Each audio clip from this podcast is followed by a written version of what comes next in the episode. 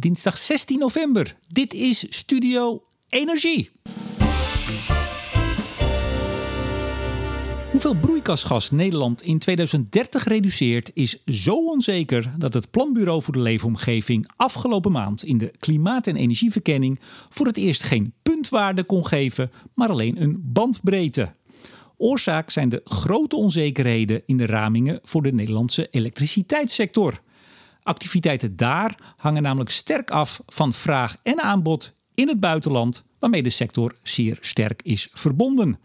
Zit Nederland eigenlijk wel aan de knoppen als het over de uitstoot in de elektriciteitssector gaat? Dat en nog veel meer vraag ik aan een man die zich energie-nerd noemt, Senior Electricity Market Developer bij Tenet is en die twitteraars kunnen kennen als iemand die graag feiten over en inzichten in de elektriciteitssector deelt. Ik zeg hartelijk welkom, Joost Greunsven. Dankjewel Remco. Heb ik het, heb ik zo goed gezegd? Uitstekend. Ja, ik ga je zeggen. Ik ga tutoyeren en dat doe ik bijna nooit. Waarom denk je dat ik ga tutoyeren, Joost? Omdat ik eh, afgelopen zondag eh, vriend ben geworden. Jij bent vriend van de show. Ja, zeker. Ja. En het grappige is, uh, dat heb ik echt pas dit weekend opgezet. En toen wij de afspraak maakten om dit uh, gesprek te hebben, toen was dat nog niet bekend. Er is geen enkele beïnvloeding vindt hier plaats. Ik, ik, was ook gekomen als je geen vriend was geworden, maar dat had ik u gezegd. Ja, nou, is dit toch mooi meegenomen. Hè? Ja, vriend van de show. Beste luisteraars, dat kun je worden. Als je graag luistert, dan uh, kun je je aan deze show verbinden. Iemand zei van de week al, uh, zondag geloof ik op LinkedIn. Vriendschap kun je kopen, blijkt. Ja, dat is zo. Je kan een heel klein bedrag overmaken. En dan, uh, ja, dan uh, ben je vriend van de show. Ga naar de website vriendvandeshow.nl. Zoek dan even Studio Energie en dan wijst het zich helemaal vanzelf. Waar gaan we het over hebben? Het elektriciteitssysteem. internationale elektriciteitsmarkt. Van alles en nog wat. Um, hoe gaan we zorgen dat we dat een beetje begrijpelijk gaan overbrengen, Joost? Want het is wel heel complexe materie. Absoluut, ja, dat is uh, de uitdaging uh, voor mij. Zeker uh, zonder visuele ondersteuning, maar we gaan ons best doen. En met jouw ervaring met scherpe vragen zal het vast, kan het vast goed komen. Want ja, jij bent wel iemand die zich roert. Hè? Um, als het goed is, is er gisteren weer een column van je online gegaan met ja. een andere ja, vriend van de show op een andere manier, Martin Visser. Ja. Uh, ik heb nog niet gelezen, dus ik ben heel benieuwd. Maar je schrijft ook met andere columns. En wat ik zei, op, op Twitter uh, ja. ben je soms uh, zeer geduldig om iedereen uit te leggen ja. hoe het zit. Ja, dat klopt. Ja, het elektriciteitssysteem is inderdaad enorm complex. En ehm, daarmee is er ook gewoon een grote behoefte om dat te proberen terug te brengen tot de kern. En ehm, ja, ik vind dat zelf gewoon heel leuk om te doen. En vooral, ik merk gewoon dat mensen soms ook daar, ja, daar echt behoefte aan hebben. En uh, bepaalde posities hebben omdat ze het gewoon net niet helemaal begrijpen. En als je er dan met wat extra toelichting kunt doen en je ziet dat het kwartje valt, dat vind ik fantastisch om te zien. Dus, uh... Ja, want we, we, gaan eigenlijk onder de motorkap kijken van ons Europese elektriciteitssysteem. Ik denk dat heel veel mensen daar inderdaad heel weinig van weten. Ik weet er ook niet zo heel veel van. En, en zeker ik kom niet in de buurt van jou, Joost. Echt. In dus ik zit hier eigenlijk ook om college uh, te volgen, ja, ja. Dit, deze podcast. Um, ja, en het is natuurlijk niet alleen hoe zit dat systeem in elkaar, maar ook wat zijn de uitdagingen de komende tijd en wat gaan we daar in Nederland al dan niet van merken. Hè? Daar gaan we mm -hmm. het natuurlijk ook over hebben. Uiteraard. Wat is Tenet? Nou, Tenet is uh, de hoogspanningsnetbeheerder in Nederland en Duitsland. TSO. De TSO, de Transmission System Operator. Um, in die rol heeft Tenet eigenlijk een, een drietal taken. Dus enerzijds uh, zorgt Tennet voor de aanleg en onderhoud van het net. Dus echt de, de fysieke assets, de hoogspanningsverbindingen die je nou, buiten in de, in de weilanden en kunt zien staan. Kom jij wel eens buiten of zit je altijd op kantoor? Ik uh, zit nou vooral thuis in deze situatie. Dus uh, nee, maar ik, ik, ga wel graag naar, naar plekken toe natuurlijk om, om met mensen te spreken. Ja, dus kabels en leidingen, of, ja. nee geen leidingen, kabels, 23.900 kilometer is mij verteld. Dat uh, zou goed kunnen. Het wordt er elk jaar meer, dus uh, en er staat nog genoeg op de rol voor de komende jaren. Ja, dus, dit staat in jouw eigen presentaties. Dus de, ik zou even, even, lezen dat tekstje. Er staat ah, zo'n standaard ja, tekstje ja. over Tenet en er staat 23.900 okay, kilometer high voltage electricity grids in Nederland en Duitsland. Ja, absoluut. Ja, want Tenet beheert, uh, er zijn in Duitsland vier TSO's. En Tenet is één van, de, één van de vier in Duitsland. Ja, maar drie taken dus. Eén is de kabels aanleggen. De kabels. Twee is eigenlijk echt de dagelijkse operatie.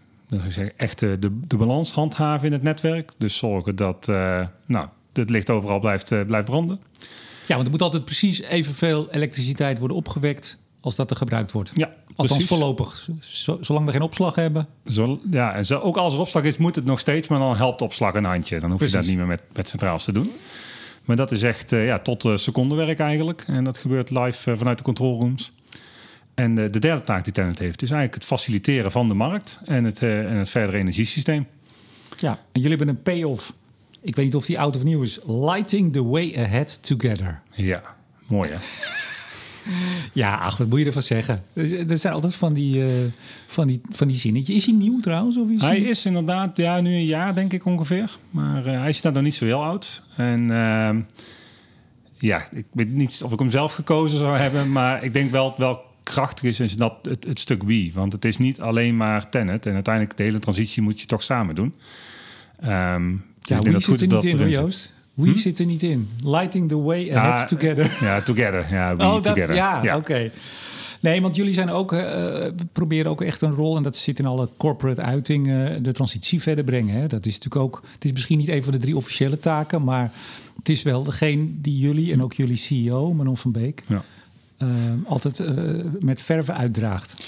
Ja, nou ja, absoluut. Ja, we moeten gewoon die kant op. Ik bedoel, eh, dat is volgens mij, eh, nou, misschien met een paar ontkenners nog, maar over het algemeen is iedereen er wel van overtuigd.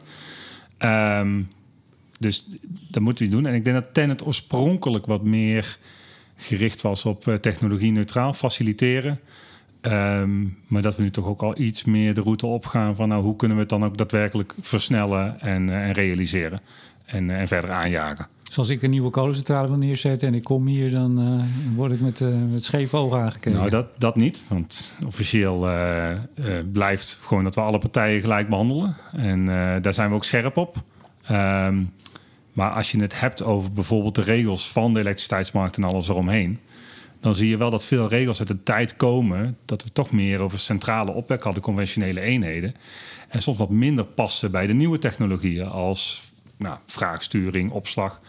En dat je daar dus wat wijzigingen in moet doen. Dus daar scherp naar kijken van hoe kunnen we dat dan geschikt maken. En op die manier kun je dan de transitie faciliteren. Nou, daar gaan we het allemaal over hebben. En jij bent, ik zei het al, senior, moet ik het weer goed zeggen, hè? want oh man, senior electricity market developer. Neem maar even een slokje. Je wou een slokje nemen. Dan ga ik Ja. nu zeggen, wat doe je dan? Wat doet zo iemand? Wat doet zo iemand? Ja, dat is een goede vraag. Ehm, ik hou me vooral bezig met het verder ontwikkelen en uitwerken van de, ik noem altijd de spelregels van de elektriciteitsmarkt. Dus ik, mijn werk zit vooral eigenlijk op die, die derde pijler die we net noemden, het faciliteren van de markt. Ehm, daarvoor hebben we met elkaar eh, als doelstelling in Europa, we moeten naar één geïntegreerde markt. En daar draag ik mijn, eh, mijn steentje aan bij. Door samen met andere netbeheerders die, eh, eh, en met ACM en andere partijen. Toezichthouder, er ACM. Toezichthouder ACM. Om die verder uit te werken. Ehm, ja, dus pak, hem- pak hem heel concreet bijvoorbeeld. Ehm wat, wat is nog heel abstract, besef ik me. Ehm, als Tenet berekenen we elke dag de hoeveelheid capaciteit op ons netwerk. Hoeveel ruimte is er voor bijvoorbeeld import en export? In Europa is er gezegd, we willen dat alle TSO's in heel Europa dat op dezelfde manier gaan doen.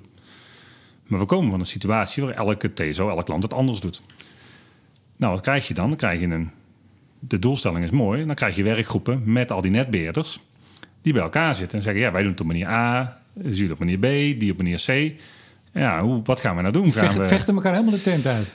Kan gebeuren soms, ja, absoluut. Ja, eh wel de discussie ja, is welke manier is beter? Of gaan we een nieuwe manier D eh, bedenken? Ehm, en dat uitwerken ja, vind ik een razend interessant spel. En vervolgens ook samen met marktpartijen, toezichthouder, overheid... om daar draagvlak voor te creëren.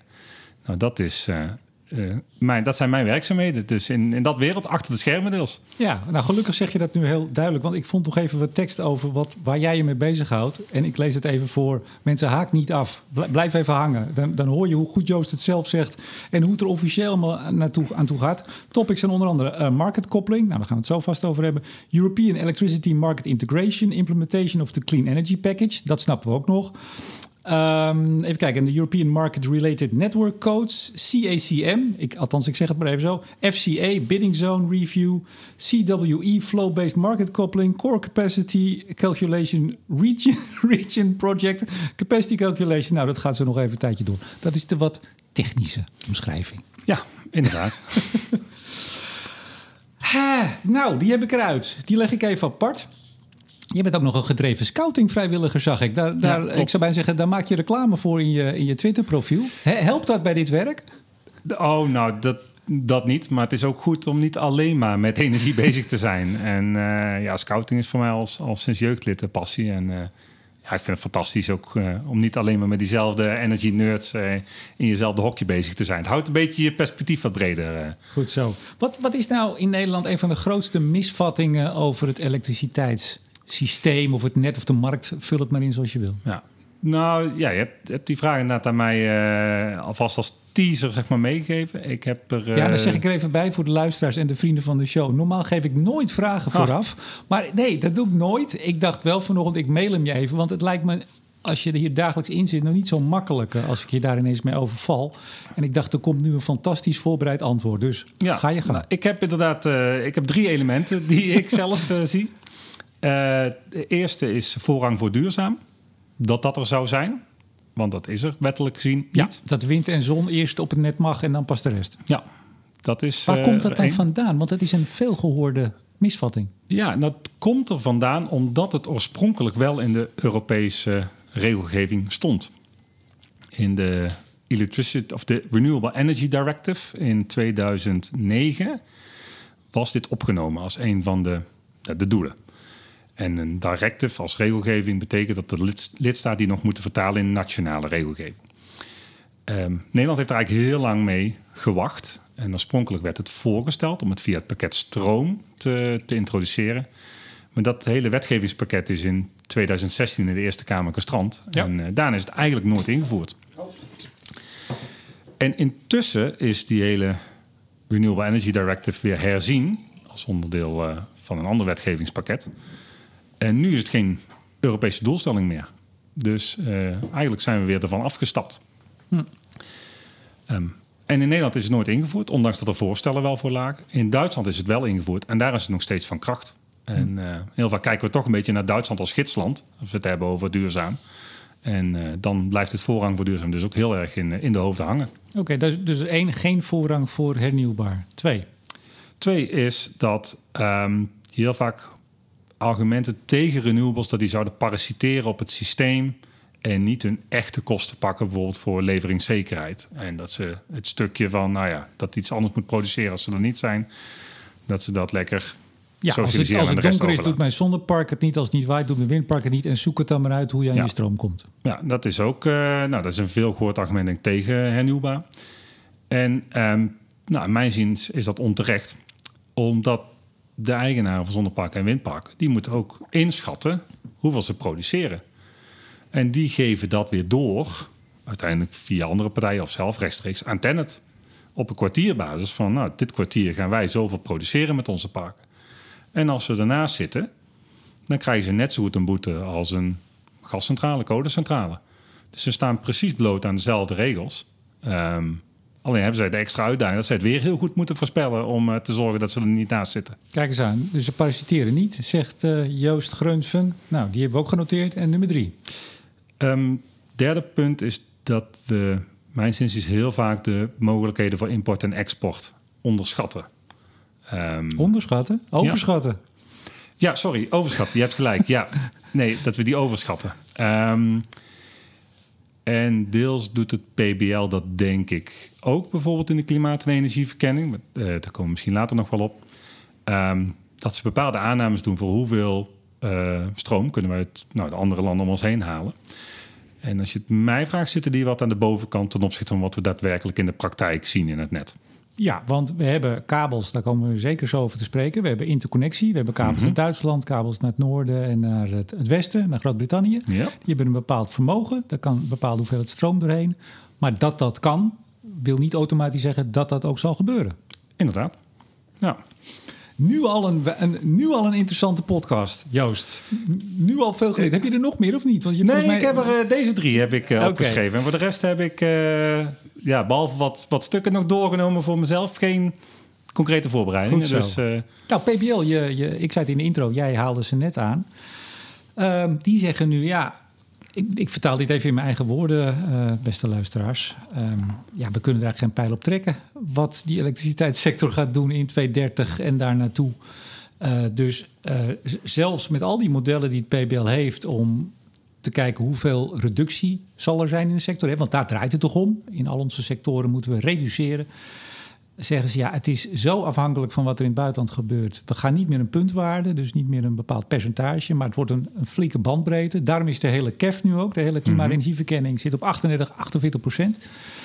Doordat, uh, ja, door die onzekerheden. Kun jij nou eens aangeven hoe groot dat is? Bijvoorbeeld als je het vergelijkt met de KEF van vorig jaar hoeveel de onzekerheid nu is toegenomen? Nou ja, kijk, jaar op jaar zegt, uh, zegt PBL, nou, mhm. we denken dat het dit is. Nou, nu zeggen ze zelf, wij kunnen eigenlijk niet meer dat goed inschatten.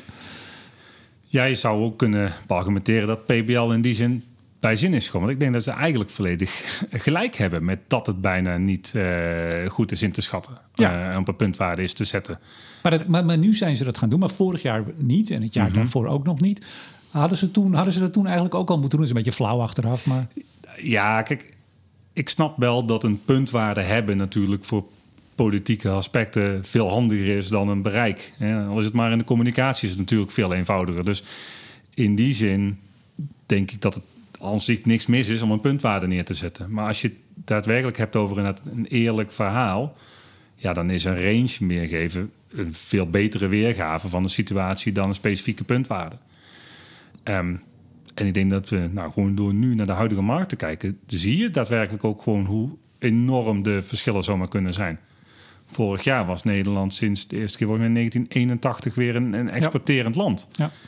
En nou, dit jaar is daar totaal geen sprake van meer met de huidige hoge prijzen. En staan we juist weer volledig op, uh, op import. En, en vorig jaar raamde, of althans, ja, hoe zeg je dat, raamde, schatten, uh, dacht mm PBL, dat we een decennium, dus ook dit jaar, uh, exporterend zouden zijn. Ja, nou ja, goed. Ik zeg wel, ja, als je nu naar, de prijzen kijkt en, en, in de markt, dan zie je gewoon dat dat dus niet zo is. En nou ja, dat is, ik bedoel, dat is een voorspelling die binnen een jaar plaatsvindt. Nou ja, en dat lukte al niet. In die zin, nou moet je over tien jaar een voorspelling doen. Ja, dat is nog met veel meer onzekerheden omkleed. Ja, en dat, en dat zegt PBL ook, hè? Die mhm. zeggen dat heel duidelijk. Dat, dat, het zo onzeker is. Nogmaals, daarom is er nu ook geen puntwaarde voor de hele uh, reductie, het hele reductiepercentage. Maar in hoeverre, maar dat gaat waarschijnlijk buiten jouw functie. Dus als je daar niks op wil zeggen, dan zeg je dat gewoon. In hoeverre heeft het dan nog zin dat wij als Nederland een, een doelstelling hebben voor zoveel megaton reductie in de elektriciteitssector? We zitten dus eigenlijk niet zelf aan de knoppen. Ja, de markt is in hoge mate geïntegreerd, inderdaad. Dus de, de dispatch. Kijk, hoe centrales nu wat worden is, Wat is dispatch? De dispatch, ja. Dus, ik, ik trapte mezelf al op om weer een eh, term te introduceren. de dispatch wordt eigenlijk genoemd dat uh, centrale wordt op een bepaald vermogen uh, gezet of gaat aan en uit.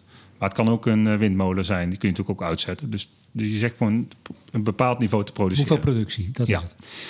Um, heel veel, de, heel veel partijen die in Nederland actief zijn, de RWE's, Vattenfalls, et cetera, die hebben bijvoorbeeld een, een, een, centrum waar de dispatch voor al hun centrales in Europa wordt bepaald. Voor RWE bijvoorbeeld wordt dat allemaal vanuit Essen wordt dat ingezet. Um, Heb je gewerkt, hè? Ja, dat klopt. Dus daarom weet ik dit ook. Maar goed, ik weet dat Vattenfall volgens mij in Hamburg uh, het zitten. Um, daar wordt vanuit één plek voor, wordt voor al die centrales wordt dat aangestuurd. Dus in Nederland krijg je eigenlijk alleen maar een soort order door van nou, dit is wat jij morgen moet produceren en, uh, en succes. Maar nogmaals, dan, dan kun je wel in Nederland, kan de politiek zeggen in een klimaatakkoord door de Kamer en door het parlement en door de regering bekrachtigd mhm. van nou, zoveel megaton. Het is nog net niet op tiende megaton en nauwkeurig in 2030. Uh, eh, ja, dat is maar de vraag. Want als we op dat moment enorm staan te exporteren en de gascentrales staan als een, als een dolle te draaien, dan red je dat niet. Klopt. Het alternatief van helemaal niks doen is dan ook weer iets. Uh, dat is dus, weer het andere uit. Dus. Ja. Nou, kijk, je zou zeker kunnen zeggen, um, en het, het zou uh, best wel fair zijn, dat je in bepaalde mate uh, Want je helpt natuurlijk een ander. Hè? Wat wij misschien meer produceren voor een ander, betekent meer uitstoot in Nederland. Maar als België dus bijvoorbeeld importeert, ja, dan heeft België relatief minder uitstoot. En daarom hebben we natuurlijk ook in 2005 in Europa het ETS-systeem in het leven geroepen. Zodat, Ja. die, hè, zodat het eigenlijk niet uitmaakt uiteindelijk waar die gascentrale of die kolencentrale staat. Als het maar in Europa als geheel dat plafond jaar op jaar naar beneden komt. En dat doet het. Ja. En het ETS zelf nog dat niet eens de elektriciteitssector hoeft te zijn, maar het ook andere sectoren kunnen zijn. Zeker. Dus dat is nog breder. Maar als je dan puur op elektriciteit zou willen uitwisselen, ja, dan zou je misschien nog wel wat in die, in die CO2-rechten of hoeveel er bijvoorbeeld geveld wordt tussen lidstaten, nou ja, dat je dat misschien van het ene naar het andere land eh, overhevelt om daar, eh, ja, wat wil ik zeggen, daar eer aan te doen naar hoe men elkaar helpt. Ja, ik, ik zei het er al even. Jij zat eh, voordat je hier in 2016 begon, heb je twee jaar bij, bij RWE eh, Generation gezeten. Ja. Toch altijd leuk het cv. Eh, want je bent nog niet zo heel, je bent niet zo heel lang bezig, maar je weet al zoveel. Daarvoor eh, bij Ascent als management trainee, twee Ja. jaar ongeveer. En begonnen bij Nexus Ja. met een stage. Hm? Met een stage. Ja, ja, nou ja dat was inderdaad de DSO, eh, Business en Innovatieafdeling. Fantastisch mooi om als student eh, te pionieren. Ehm, maar tegelijkertijd dacht ik ook, ja, oké, is dit nou helemaal hier eh, hoe, hoe, hoe de sector werkt? Is dit het nou? Dus eh, dat was toen voor mij een reden om juist naar de, de commerciële kant van de sector op te zoeken bij, eh bij Ascent. En ja, daar ben ik toch wat meer door de fysieke, meer de fysieke aspecten dan de retailkant. Dus zodoende naar RWE als aan de centrale kant doorgestroomd. En daar kwam ik op een gegeven moment weer eh, voor vraagstukken als eh, ja, capaciteitsmechanismen in de richting van de elektriciteitsmarkt. Ehm, ik bij, bij Energie Nederland in de brancheorganisatie. En toen vond ik dat onderwerp weer zo mooi dat, dat toen er een kans kwam bij Tennet om daarop verder te gaan, dat ik eh, die overstap heb gemaakt. Kijk eens aan. Even, je zei het net al, het, het Nederlandse elektriciteitssysteem is eigenlijk heel erg geïntegreerd. Ik zat hier overigens in dezelfde kamer volgens mij met Ben Voorhorst. Eh Mr. Tenet, zeg Ja, ik altijd. absoluut, ja. Althans niet meer inmiddels, maar hij, hij is... eh, Ik denk dat die term zal blijven dragen tot. eh, Ja, dat was februari vorig jaar. En, en volgens mij zei hij, misschien niet letterlijk, maar het kwam op neer... eigenlijk bestaat het Nederlandse sy- elektriciteitssysteem. Ja, we zijn onderdeel van, maar een zelfstandig, eigenstandig systeem bestaat eigenlijk niet meer. ja, en daar heeft hij ook gewoon gelijk in. Ja. Dus dat bestaat nu niet meer, maar dat heeft ooit wel bestaan. Wan- Wanneer is de omslag gekomen van een echt nationaal grid naar een volstrekt in Noordwest-Europa geïntegreerd grid? ik hang je niet aan vraag. een jaartje op. Ja, nou. eh, Ik, historisch gezien, hè, we begonnen met elektrificeren, maar dat was gewoon stad voor stad, zeg maar, dorp voor dorp. Gewoon eh, rondom een lokale industrie werd er elke keer een elektriciteitsnet. We zijn elke keer een stapje verder gegaan. Eh, provinciale energiebedrijven en die gingen zich weer aan elkaar verbinden middels het koppelnet, wat dan nu uiteindelijk het net van Tennet is geworden. Ehm, oorspronkelijk was dat koppelnet ook helemaal niet per se bedoeld voor allerlei uitwisseling tussen de regio's, maar vooral voor leveringszekerheidsdoeleinden was het koppelnet er gemaakt. En gebruiken we het, koppelnet intensief dus ook voor import, export en, en, en verdere integratie. Als je kijkt vanuit de, vanuit de regelgeving, denk ik, is het in. eh, dan moet ik heel even spieken. Ik heb altijd 2006 in mijn hoofd als jaar, als belangrijk jaar. Ja. Nou, in 1996 begon men met Europa met het unbundling-proces, waarin TSO's werden losgekoppeld van meer de commerciële kant, de productie eh, eh, en opwek. En in 2009 is toen het zogenoemde derde pakket gekomen. En dat is eigenlijk het meest ingrijpende pakket geweest. Waarin eh, de TSO's echt een officiële entiteit werden. ehm, die ook allemaal regels en netcodes moesten maken hoe dit te faciliteren. En vanaf dat moment zou ik wel willen zeggen, is er is, is heel veel van de regels die we nu hebben, zijn vanaf dat moment ingezet om op Europees niveau te worden gaan vastgelegd.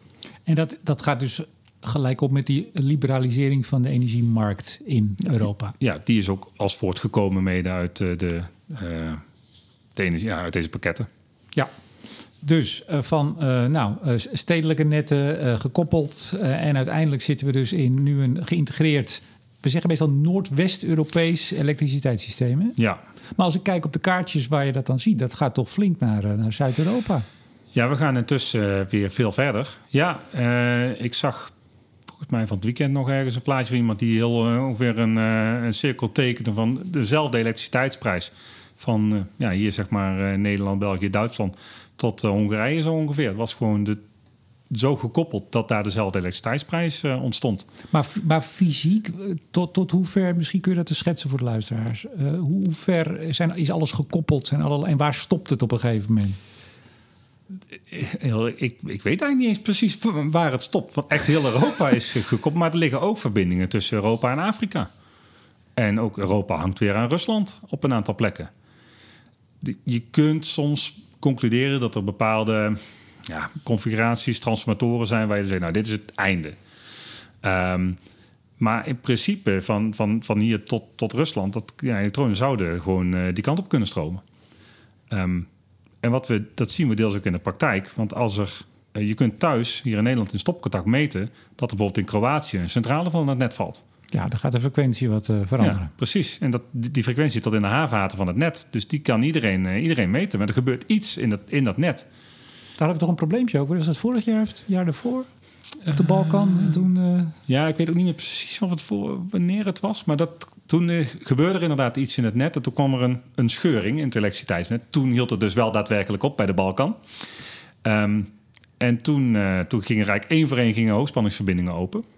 En toen ging in Nederland en de regio, zeg maar, ging volgens mij de, frequentie iets omhoog en aan de andere kant naar beneden. Of, of andersom in ieder geval. Um, en dan ben je dus aangewezen op een kleiner gebied en heb je meer risico's. Um, dus volgens mij is het in drie kwartier tot een uur is het weer gekoppeld. Maar het is dan wel even, even spannend. Ja, maar we hebben het allemaal gered. We hebben het allemaal weer uh, gered, ja zeker. Dus, uh... Maar als we het daar nou over hebben, dus we hebben, we hebben die, we zeggen dan toch nog maar steeds Noordwest-Europees geïntegreerde mm -hmm. elektriciteitsmarkt. Um, is dat alleen maar fijn? Heeft dat nadelen? Um, heeft het. Ja, kijk, hangt er een beetje vanaf misschien ja, hoeveel zeggenschap je. Ja, ja, ja nee, hangt er een beetje af hoe. Ja, hè, van. ik denk dat het antwoord op die vraag heel erg samenhangt met hoeveel vertrouwen heb je in Europa en het proces daar, uh, dat daar plaatsvindt. Persoonlijk geloof ik dat de Europese marktintegratie en het streven naar één geïntegreerde markt met dezelfde spelregels, dat dat welvaart oplevert. Um, dat daar we benutten het systeem dan beter dan dat het ieder voor zich is. En je zonder afstemming met je buren uh, ja, naar eigen dunken uh, wat doet. En, hoe druk je dan uit welvaart? Omdat het goedkoper is en dus hou je geld over andere leuke dingen? Of hoe zie moet dat Ja, wat, wat typisch in, het, uh, in de sector gebeurt, is dat welvaart dan inderdaad wordt uitgedrukt. Dat je ja, zeggen, de goedkoopste centrales, zou ik maar zeggen, het eerst inzet. Um, dus je probeert de meest efficiënte, typisch goedkoopste bronnen te ontsluiten, zodat die maximaal kunnen inzetten. Pas als het nodig is, dat je duurdere centrales uh, gebruikt voor elektriciteitsopwek. Ja, even een kleine zijstap, want we hebben in Nederland, of we gaan in Nederland hebben, ik weet nooit precies waar het staat, een, productiebeperking aan de kolencentrales tot mm -hmm. maximaal 35 procent. Ja. Daar zie je dus dat de overheid heel hard ingrijpt. Want het kan best zijn dat zo'n kolencentrale vanaf uh, ergens in februari prima volle capaciteit kan draaien. Goedkoop. Ja. Dus welvaartsontwikkeling, zeg jij dan? Ja, hè? zeker. Ja. Maar hij is begrensd tot 35 procent. Dat soort ingrepen, wat wij, mm -hmm. ik zou aan de lopende band doen, op andere vlakken, maar de politiek stuurt in die vrije markt, wat best wel gek is. Zie je het ook in andere landen? Ja, je ziet het in meer landen uh, terugkomen. En en daar denk ik dat we nog steeds wel iets kunnen doen. Want enerzijds zeggen we wel naar één Europese markt, maar op dit soort aspecten of nationale subsidieregime doet toch ieder land weer een beetje zijn eigen ding. En dus, dus is, die, is dat die hyper-efficiency wat het zou moeten zijn, zo'n Europees systeem, helemaal geïntegreerd, mm maximale welvaartsontwikkeling, oftewel laagste kosten, meeste efficiëntie. In de praktijk is dat dus maar tot op zekere hoogte zo. Ja, in zekere zin draai je dat soort effecten weer terug. Ja. Wel met als achterliggende doelstelling vaak weer dat je de verduurzaming bijvoorbeeld verder wil, wil stimuleren of de CO2-uitstoot verlagen. En dan nou, dus blijkbaar niet voldoende vertrouwd op ETS of op de korte termijn de cijfers niet fijn vindt. Ja, ja. zo zal ik het dan maar even zeggen. Ja. Nou ja, bij, bij, onze Belgen, waar het echt vorige week hoogoplopende ruzie was en nog steeds is tussen de, de federale en de Vlaamse regering, daar is het juist CO2 uh, eh, omhoog, de uitstoot. Want er worden gascentrales gebouwd worden en uh, de kerncentrales gaan dicht. Ja, wel interessant ook is dat daar uh, de Belgische overheid zich niet altijd even consistent redeneert. Want dan zeggen ze gascentrale, maar dat is prima. Die vallen onder het ETS-plafond, dus dat verhoogt de uitstoot niet. En tegelijkertijd lopen ze wel te jubelen dat er uh, windparken komen die de CO2-uitstoot verlaagt. Die net zo goed onder het ETS valt. Dus ik, ja, als je de redenering aan de ene kant zegt, gascentrales hebben geen effect. Dan kun je ook zeggen, ja, die windmolens bouwen hebben ook geen effect op de CO2-uitstoot. dus... Joost, Joost, ik kan je melden, we hebben best veel luisteraars in België. En die, ja, die horen dit. Dus ik, misschien kunnen ze het even doorgeven aan, uh, hoe heet ze ook weer, Tine, Tine, Tine de minister? Uh, nou, ik, ja. Tine, ja. Precies, ja, dat is de voornaam. Ik ben er achternaam even kwijt. Doet er niet toe. Um, maar dus dat, dat, dat hele geïntegreerde systeem, dat, dat bouwen we. Wat zijn nou de ontwikkelingen die op dat systeem uh, in, we hadden het net over hè, meer, meer uh, hernieuwbaar. Mm -hmm. uh, wat, voor, wat nog meer voor ontwikkelingen werken in op dat grote Europese systeem? Overigens moet ik even bijzeggen, dat zag ik in een van jouw presentaties. Jij of misschien iemand anders noemt dat wellicht de grootste en meest complexe machine ooit door de mens gebouwd. Ja, zeker. Ja, dat is het elektriciteitssysteem. Nou, omdat er zoveel dus aan vasthangt. Hè, ik bedoel, ik net noemde, de frequentie zit in, tot in de haarvaten van het systeem. Nou ja, hoeveel apparaten heb, heb jij in huis, Remco? Ja, doe eens een schatting. Ik heb ze nooit geteld. Nee, maar ja, zeg 40, weet ik veel. Nou, als elk huishouden er zo heeft, hebben 8 miljoen huishoudens in Nederland en al alle industrie. En dat moet je dus voor heel Europa doen. Ja, het is, uh, is een miljoen, het gaat over miljarden apparaten hier. Eigenlijk bizar dat het kan. Ja, absoluut. En vooral omdat stroom is een best wel een gek product eigenlijk. Want ja, uh, ja, je kunt het wel vastpakken, maar dat is meestal niet echt aan te raden. Uh, maar in principe, je kunt het niet zien. Je kunt het eigenlijk ook niet volgen. Stroom gaat het net op dat kunnen we meten. We kunnen meten of stroom eraf gaat. Maar hoe die stroom precies door het net loopt, dat is. Ja, je kunt een elektron geen kleurtje geven of zo. Nee. Um, en tegelijkertijd moet het dus continu in balans zijn. Want anders dan gaat het hele net onderuit. En dat is echt op secondenbasis. Dus continu staan er centrales of, of windmolens net ietsje harder, ietsje zachter om, om die balans te houden. Ja, nou, als, je, als we dan toch 2009 even als jaartal nemen waarop het echt losging, zeg ik maar even in mijn eigen woorden. Nou, toen duurde het zeker in Nederland nog wel een paar jaar voordat we in 2013 het energieakkoord hadden. En toen moest dat toch loskomen. Inmiddels zijn we toch redelijk op stoom, zou ik zeggen. In 2030 moet zo'n driekwart van onze stroom uh, hernieuwbaar zijn. Ik zei het al, wat, wat voor ontwikkelingen nog meer dan meer hernieuwbaar werkt nou in op dat Europese systeem? Um, toch ook een stuk decentralisatie. Je hebt natuurlijk van een systeem waarin je een relatief beperkt aantal conventionele stuurbare centrales had, gaan we naar het enerzijds naar, naar duurzaam. Dat is een combinatie van grote offshore parken met min of meer dezelfde karakteristieken. Maar natuurlijk ook heel veel zonnepanelen achter de meter bij mensen thuis. Miljoenen aan, aan, aan installaties daar. um, wat we ook zien is dat we steeds meer apparaten krijgen die je flexibel in kunt zetten. Uh, elektrische auto's die je, die je kunt, kunt sturen en wanneer ze precies opladen doe je dat onverstandig. Iedereen stopt om zes uur zijn auto in stopcontact. Dat geeft een enorme piek op het net. Maar doe je dat, spreid je dat meer, dan past het opeens een heel stuk beter. Ja, jij mag niet um, laden, jij wel. Jij mag je pizza niet in de magnetron doen, jij wel. Ja, ja, dat is interessant. Ja, nou, dan komt dat een beetje hè, de, de carrot of the stick, zeg maar. Van, ja, uh, ga je het verplichten dat het zo moet?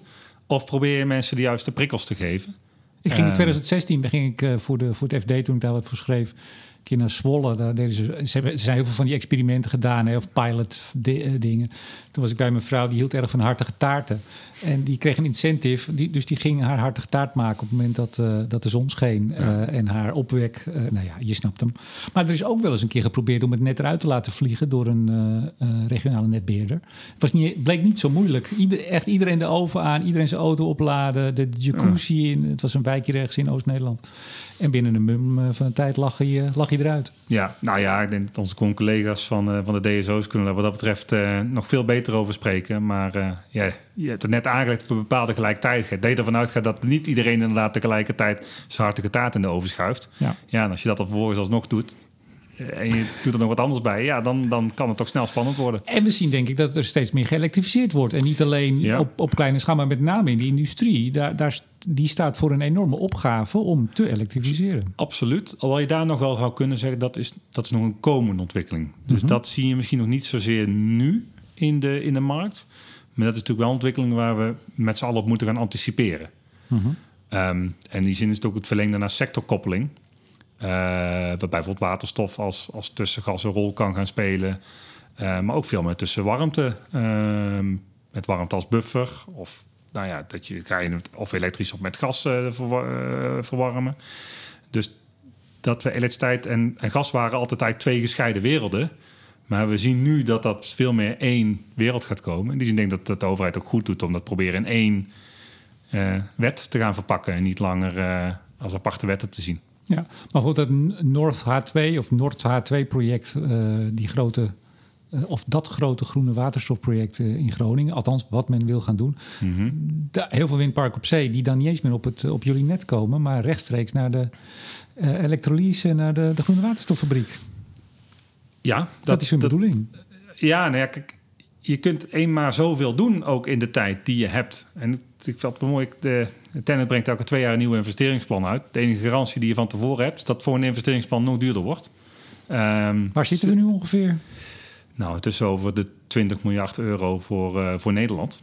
Um, te investeren? Te investeren. In welke termijn? Uh, in de komende tien jaar.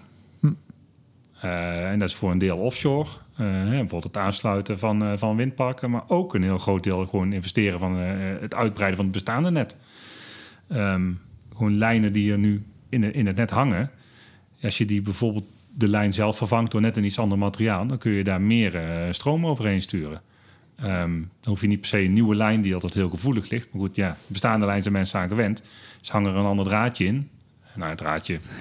Uh, bereidt het idee. Hier zeggen de collega's Joost, Joost, ja, Joost. Je moet precies. eens weten wat er werkt, dat is man.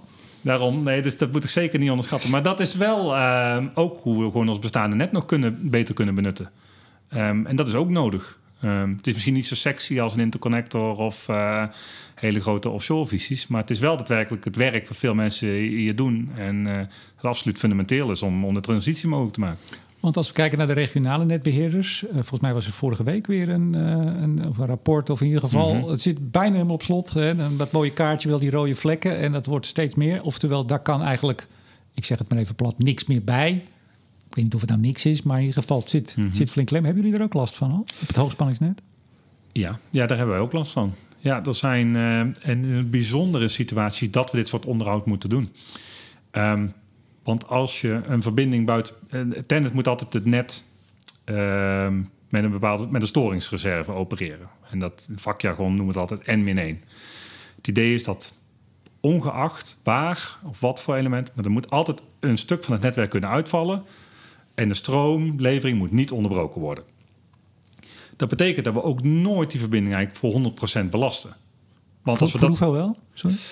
Nou, dat hangt een beetje van de, van de situatie af. Maar dan kom je dus veel meer richting nou ja, de, de 50, misschien 70 procent of zo als, als maximum. Um, beetje, ja, het hangt een beetje van de verbinding af. Maar ja. dat je dat soort dingen doet. Je gaat nooit naar die 100 procent. Want als je, als je dat wel doet en een lijn valt eruit... Ja, dan heb je echt gewoon ergens een probleem. Ja, maar er wordt nu wel op regionaal gebied... maar ik weet hier niet veel van, zeg ik er meteen bij... Er wordt wel gekeken en ook dat mag nu geloof ik, dat je wat van die reserve wel mag gebruiken onder bepaalde omstandigheden. Ja, wel, klopt. Wel specifiek alleen voor productie. Dus de stormcijferval, ik, ik ga het echt over de levering van de elektriciteit. Dus je, de, de afname mag zeg maar niet onderbroken worden. En in dit geval zeg je, dat is heel lang ook toegepast op productie. En je kunt nu een soort van maatwerkafspraken maken met een producent van nou, dat die producent er, ermee instemt dat in specifieke uitvalsituaties, dat die dan kan worden afgesloten. Ja, en daarmee, bijvoorbeeld een zonnepark, daar speelt dat dan. Um, daar gaan ze mee akkoord, graag zelfs, want daarmee kan hun hele park wel worden aangesloten. En anders kunnen ze er misschien helemaal niet op. Ja, dat, dat klopt, dat kan ervoor. En dus kunnen ze in het gros van de tijd kunnen ze gewoon leveren en, en uh, hebben ze hun business case. Ja, maar Tennet moet 99,99% procent uh, veilig zijn. Dat is de doelstelling. Dus uh, ja, voor ons is ook een paar keer eigenlijk al in strijd zeg maar, met, met wat je niet zou willen. Maar goed, als de tegenpartij er dan mee instemt, ja, dan creëert dat wat meer flexibiliteit. Um, maar dit is gewoon een hele grote uitdaging. Van krijg je ze aangesloten? En ook natuurlijk alles op DSO's, die moeten het ook weer op het tennetnet kwijt kunnen. En tegelijkertijd hebben wij de uitdaging dat we ook Europese doelstelling voor bepaalde minimale hoeveelheid import-export moeten kunnen faciliteren. Zou dat soms de 70%-regel kunnen zijn? Ja, dat is inderdaad de beruchte 70%-regel. Ja. Vertel, wat is dat? Europa heeft, uh, nou ja, eigenlijk al sinds nou, een van de eerste pakketten, dus in 2009, uh, gezegd dat netbeheerders hun interne congestie niet naar de grens mogen verschuiven. Ja, dus als ze, als ze intern uh, een opstopping hebben of mm -hmm. het, loopt, het loopt spaak, zeg ik dan maar. Ja. dan mag je dat niet op de buren afwentelen. Nee, dus je mag eigenlijk niet je interconnectie op nul zetten, omdat je intern je, je snelweg en je hoogspanningsnet vol zit. Ja, stel wij zijn, staan uh, te leveren aan Duitsland en we, merken dat wij in de, in de problemen komen, dan mag je niet die kabel dicht doen. Ja, inderdaad. En dat is het achterliggende. We zijn in Europa. Interne handel in een lidstaat staat gelijk aan handel tussen lidstaten. En, en, en, sinds wanneer, uh, althans wanneer is die... Ja, je zegt al in die eerste pakketten. Maar, maar is het al zover? Hebben alle lidstaten, zorgen die ervoor... dat ze minimaal 70% van de capaciteit beschikbaar houden? Nee, nog lang niet. Nee. Nederland ook nee, niet? nee, Nederland ook niet, nee. Nee, die interne regel, dit van het, het interne kwestie naar de grens verschuiven... die is in 2009 eigenlijk uh, vrij specifiek. Misschien zelfs al wat ervoor, maar in ieder geval op dat moment zat die heel hard erin. En er is heel veel gestekkel over geweest van hoe meet je nou wanneer een, een netbeheerder interne congestie naar de grens verschuift. En als er echt een nood aan de man is vanwege leveringszekerheid, dan mag het weer wel. Maar ja, wanneer mag het dan niet en wanneer mag het dan wel? Dus dat, daar, is, er is jarenlang gestekkel over geweest.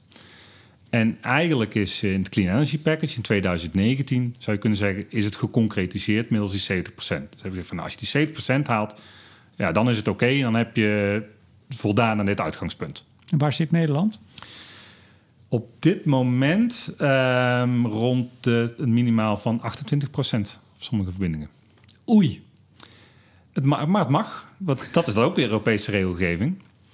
Um, want er is wel een soort van overgang, een, een, traject. Je kunt een traject ingaan waarin je stapsgewijs dit verhoogt. En uiteindelijk in 2026 moet je dan volledig aan de 70% voldoen. En dat gaan we doen? Ja, daar doen wij ons best voor. Ja. Nee, gaan we dat doen?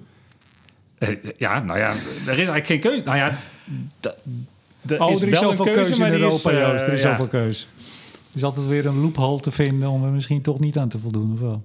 Nou ja, de, de achterliggende gedachte, nou komen we eigenlijk weer op... Uh, nou, nou moet ik een uitstapje maken naar biedzones. Maar om, om te duiden waarom die 7% erin uh, ja, want. Uh, ik hoop dat we... Volgens mij zijn we nog goed bezig. Volgens mij kan, kan de luisteraar het nog volgen. Uh, Biedzones, precies. Bidding zones. Als je maar iets leest over het Europese stelsel... En, een van de eerste woorden is de biedingzone. Wat ja. is een biedingzone? Nou, een biedzone is um, het gebied... waarin marktpartijen eigenlijk zonder belemmeringen met elkaar kunnen handelen. Um, Nederland is op dit moment één biedzone. Een producent in Groningen mag zijn stroom uh, verkopen zonder beperkingen aan een afnemer in Maastricht. Ja. Hoe die stroom daar komt, hoeft die partij zich totaal geen zorgen over te maken, want dat is het werk van de netbeheerders. Um, wordt ook wel gezien dat een biedzone is een koperen plaat, want er is eigenlijk vanuit de markt gezien onbeperkt mogelijkheden om te mogen handelen.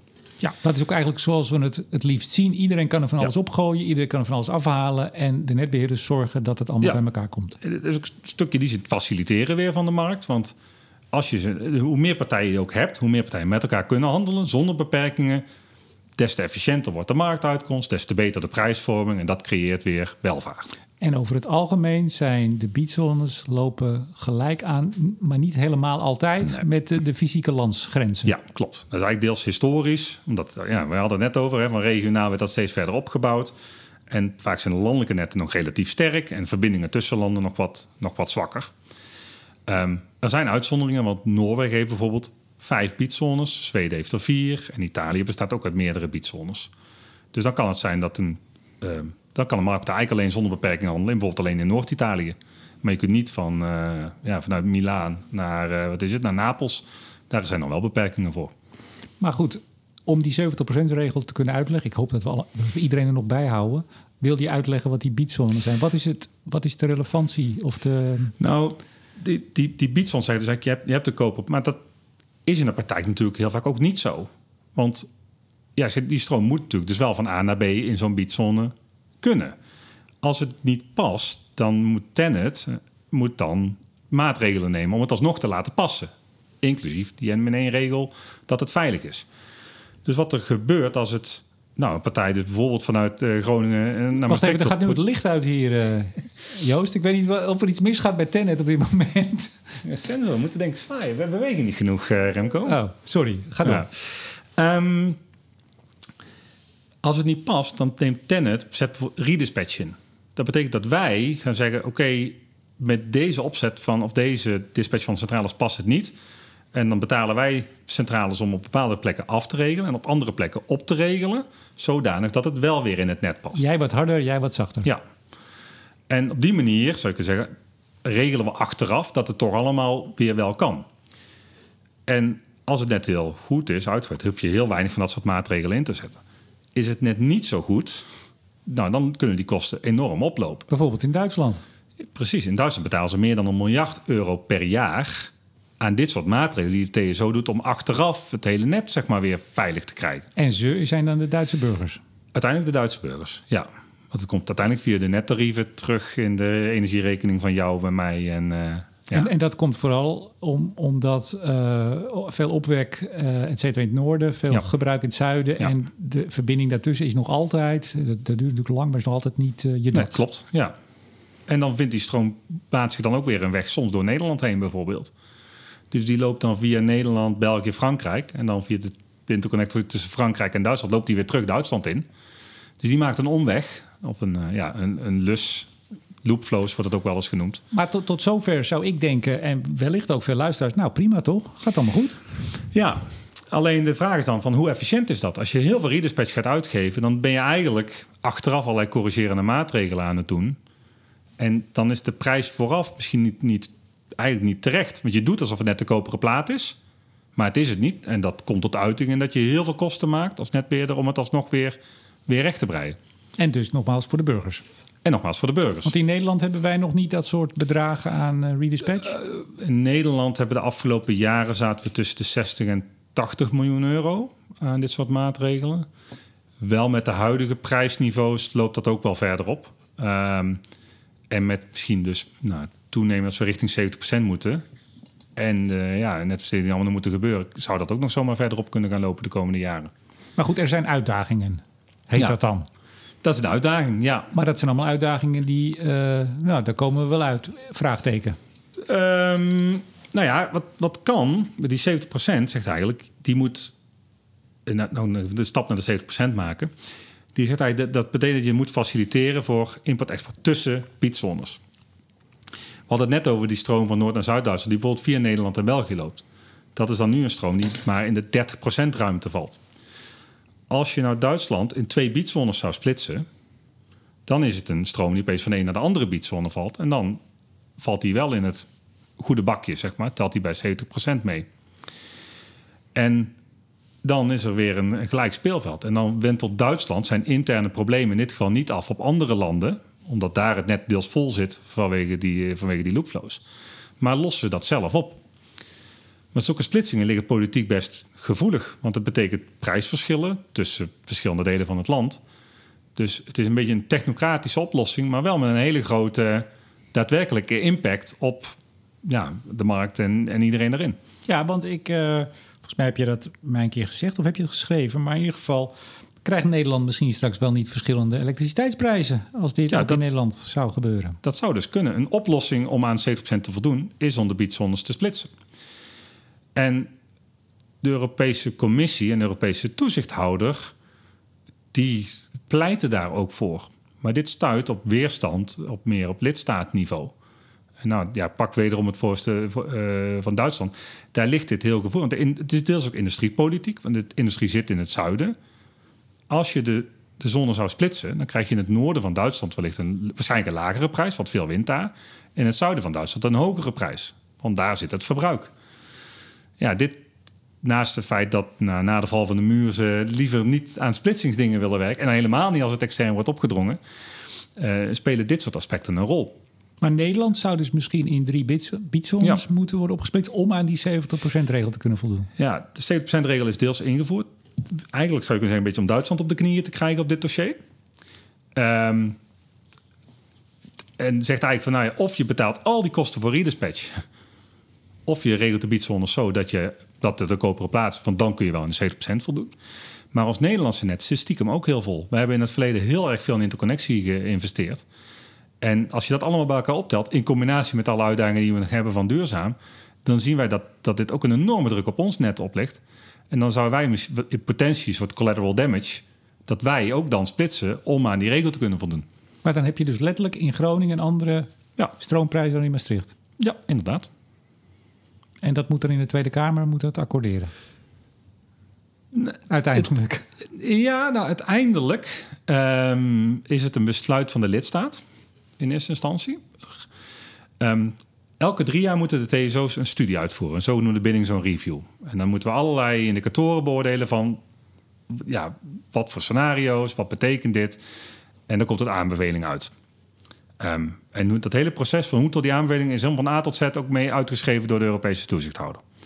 Daar zou uit kunnen rollen van, nou ja, Tenet en de andere TSO's bevelen aan om Duitsland te splitsen, Nederland te splitsen, uh, Frankrijk misschien ook wel. Uh, nou, lidstaten, zeg het maar, gaan jullie daarmee akkoord? En dan inderdaad zal, neem ik aan, dat het ministerie ook met de Tweede Kamer terechtkomt van, nou ja, dit ligt voor. Zijn we het daarmee eens?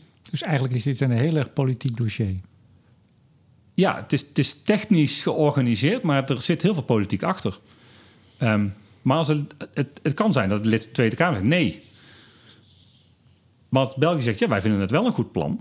Dat, want de Europese regel staat dat het een unaniem besluit moet zijn van de lidstaten. Dus als er geen unaniem besluit is, wordt het geëscaleerd naar de Europese Commissie. En dan is de Europese Commissie aan zet om een besluit te nemen.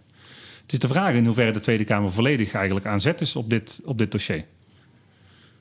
Of denkt aan zet te zijn? Ik, vraag, ik denk dat op de Tweede Kamer misschien niet eens bewust is dat dit in potentie speelt, zeg maar. En het zo in de regels is, is vormgegeven.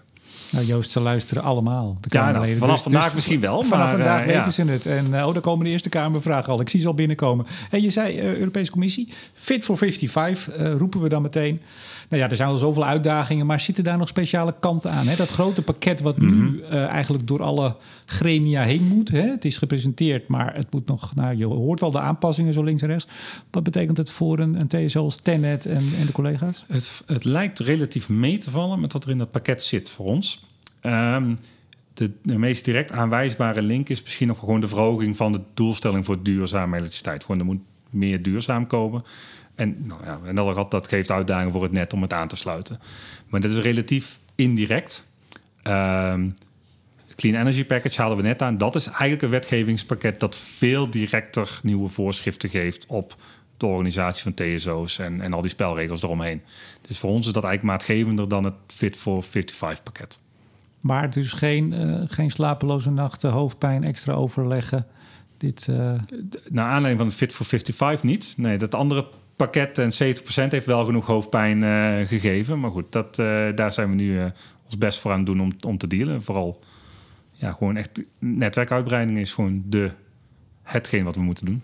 Maar het, het, is, het is wel ja, nou, ik wil zeggen gek, maar het is niet gek. Maar dan, dan, heb, dan hebben we dus die, die hele Europese marktintegratie hebben, zijn we aan gaan werken. Dat, daar zijn we al dus in 96 mee begonnen, hè, als je dat jaartal neemt. En dan, nou, Duitsland al meer dan een miljard uh, voor die redispatch. Uh, dat willen we oplossen. We willen voorkomen mm dat dat allemaal gebeurt. Misschien wel opknippen in meerdere biedzones. En uiteindelijk kom je toch weer bij de politiek uit... die daar dan unaniem in al die lidstaten het ermee eens moet zijn. Ja, ja, dat klopt. Daar komt het wel weer terug. Ja, maar dus die, die, die, wat was het ook alweer, de grootste, meest complexe machine ooit? Uh, door de mens gebouwd. Die ja, nou ja, ook dus door de mens uh, in regelgeving gevat. En misschien dus wel weer niet het meest efficiënte, dan wellicht. Of, of wel, dat weten we niet.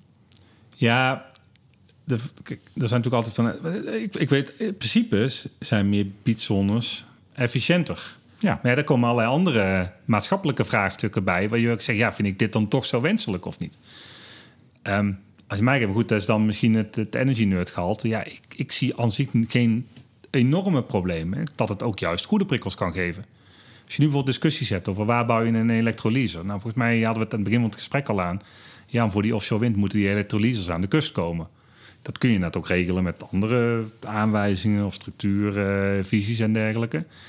Maar als je Nederland zou knippen en je ziet dan bijvoorbeeld nou Groningen, waarschijnlijk relatief weinig verbruik, relatief veel productie, waarschijnlijk een lage prijs. Qua business case kun je dus het beste daar je elektrolyse bouwen. In de plek ook waar wij hem in die zin het liefst willen hebben. Mhm. Dus het kan dan ook wel weer een extra stuursignaal geven. Um, daar staat tegenover dat heel veel marktpartijen er weer last van hebben, want die kunnen minder goed met elkaar handelen.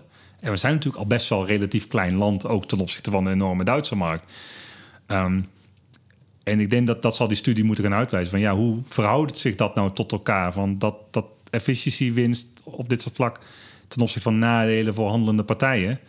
Ehm, en er kan ook heel goed uitkomen dat Nederland splitsen een ontzettend stom plan is en op allerlei andere vlakken heel nadelig is. Eh, dan zou het juist ook munitie kunnen zijn om ja te zeggen: jongens, die 70%-regel, ja, die hebben we al ingesteld vanuit de gedachte dat het beter wordt. Maar als we hem toepassen op Nederland, dan is het drama. Dus die moet toch weer van tafel af.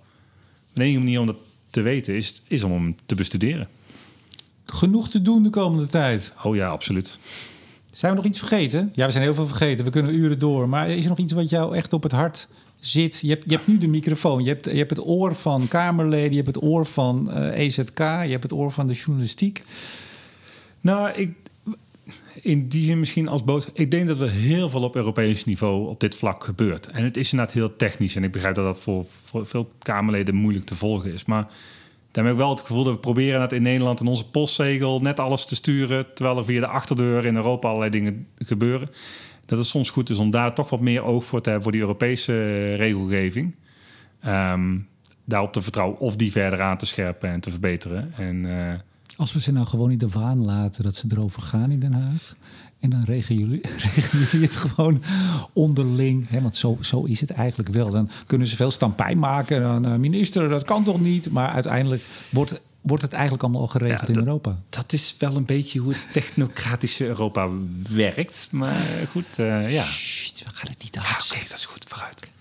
Joost Greunsven, Senior Electricity Market Developer bij Tenet. Hartelijk dank voor het gesprek. Graag gedaan. En uiteraard bedank ik ook jou, beste luisteraar, voor het luisteren. En luister je graag naar Studio Energie? Word dan vriend van de show. Jawel, ga naar de website, website vriendvandeshow.nl slash studio-energie. Of ga gewoon naar Vriend van de Show en google even. Of zoek even op gewoon Studio Energie. Ach, je vindt het wel. En misschien zie ik jou dan binnenkort als vriend van de show. En mijn naam is Remco de Boer. Graag tot de volgende keer.